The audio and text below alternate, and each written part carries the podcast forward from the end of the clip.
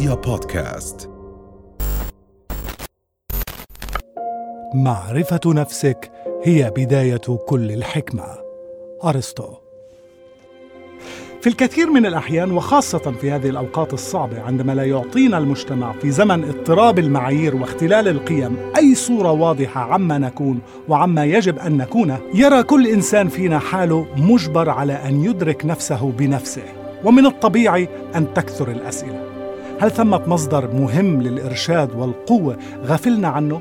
كيف يمكن تحقيق التكامل الداخلي في مثل هذا العالم المفكك؟ كيف يمكن أن أتخلص من هذا الألم؟ أسئلة صعبة ومركبة ومعقدة، لكننا نغفل في الكثير من الأوقات الرجوع كثيرا إلى الوراء وإلى مراحل مبكرة من حياتنا، وهذا الألم يعود إلى الانفصال الأصلي للفرد. المحنة اللي بتمر فيها الآن سببها المحنة الأولى وهي أنك فقدت ارتباطك مع جوهرك. مش بالضرورة السبب يكون إنك لم تتلقى حب ودعم من والدك أو والدتك أو تخلوا عنك ومش لأنك تعرضت لحادثة تحرش أو تنمر أو غيره. السبب هو نتيجة ما حدث من أي من هذه الظروف اللي خلتك تنفصل عن ذاتك وجوهرك. هذه هي الصدمة. إذا اللي بنطلع عليه الآن هو إعادة الارتباط والاتصال مع الذات. فقدان التواصل كان عبارة عن تكيف. أنت تريد أن تتكيف بهذا الانفصال عن الذات لأنه من الصعب ومؤلم أن تكون ذاتك الأصلية. إذا كان مؤلم بالنسبة لي أن أكون أنا إذا من الأفضل أن أنفصل عنها. إذا كان صعب ومؤلم أن أكون مدرك وواعي لمشاعري الباطنية أو أن أتقبلها أو ما عندي الشجاعة الكافية أني أظهرها وأفصح عنها من الأفضل لي أن أنفصل عنها. وهذه هي الصدمة الحقيقية. وبعدها بنعيش حياتنا نعوض هذه المشاعر. كيف؟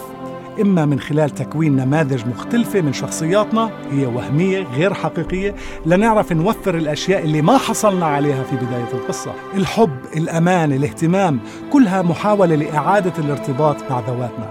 وهون بنصبح من نحن الآن أو ما نعتقده عن أنفسنا. فكر بالبلايين التي تصرف على التجميل. كل هذا لهذا السبب لأن فقدنا اتصالنا مع أنفسنا. نريد أن نجذب الانتباه لأنه كان مفقود ولم نحصل عليه بطفولتنا ومراهقتنا. وهذا هو التعويض أو يمكن أيضا من خلال الإدمان. وهذا لأنني لم أستطع أن أكون أنا. أنا يعني ألم ووجع ومعاناة وجرح. الأفضل أني أفكر بالتعويض عن الأنا. أريد أن أحمي نفسي من هذا الوجع. لهيك بدي أقفل الباب على قلبي. ولما نقفل قلوبنا بيصبح من الصعب أن نحب أنفسنا أو حتى الآخرين وبصير من الصعب أن نفرح لشيء أو نستمتع بشيء. لا نريد المغامرة في معرفة الذات ولكن الخلاص للقضاء على هذا الألم هو بأن نغامر لأقصى مدى للرجوع إلى الذات ولو كان في ألم في البداية. جبران خليل جبران بيقول إنما تشعرون به من الألم هو انكسار القشرة التي تغلف إدراككم.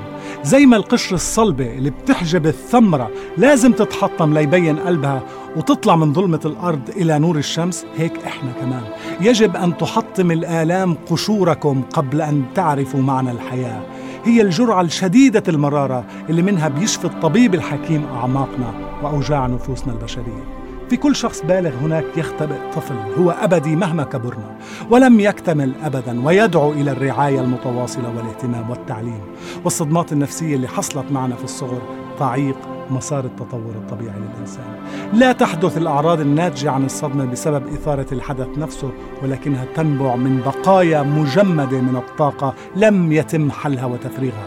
تبقى هذه المخلفات محاصرة في الجهاز العصبي تعبث فسادا في أجسادنا وأرواحنا. كل واحد منا كان عنده تجربة مؤلمة في وقت ما في حياته. بغض النظر إذا تركت لنا حالة واضحة من الأعراض ما بعد الصدمة لأنه لا يمكن أن تظل أعراض الصدمة خفية لسنوات بعد وقوع الحدث.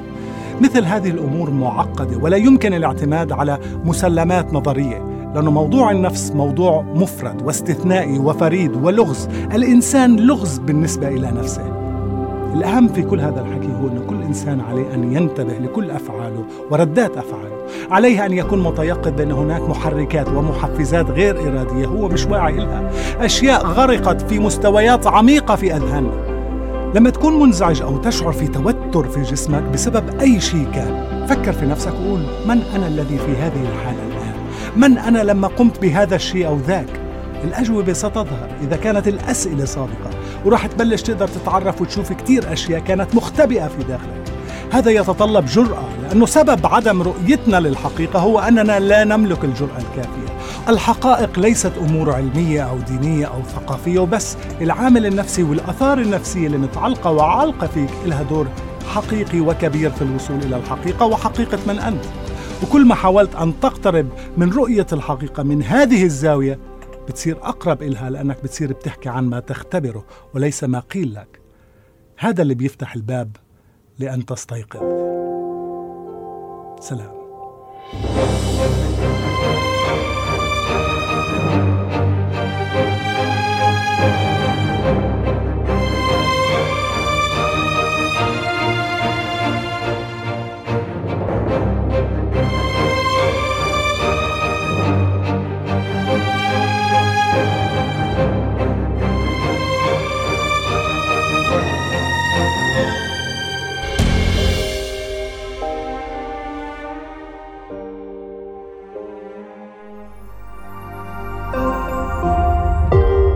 رؤيا بودكاست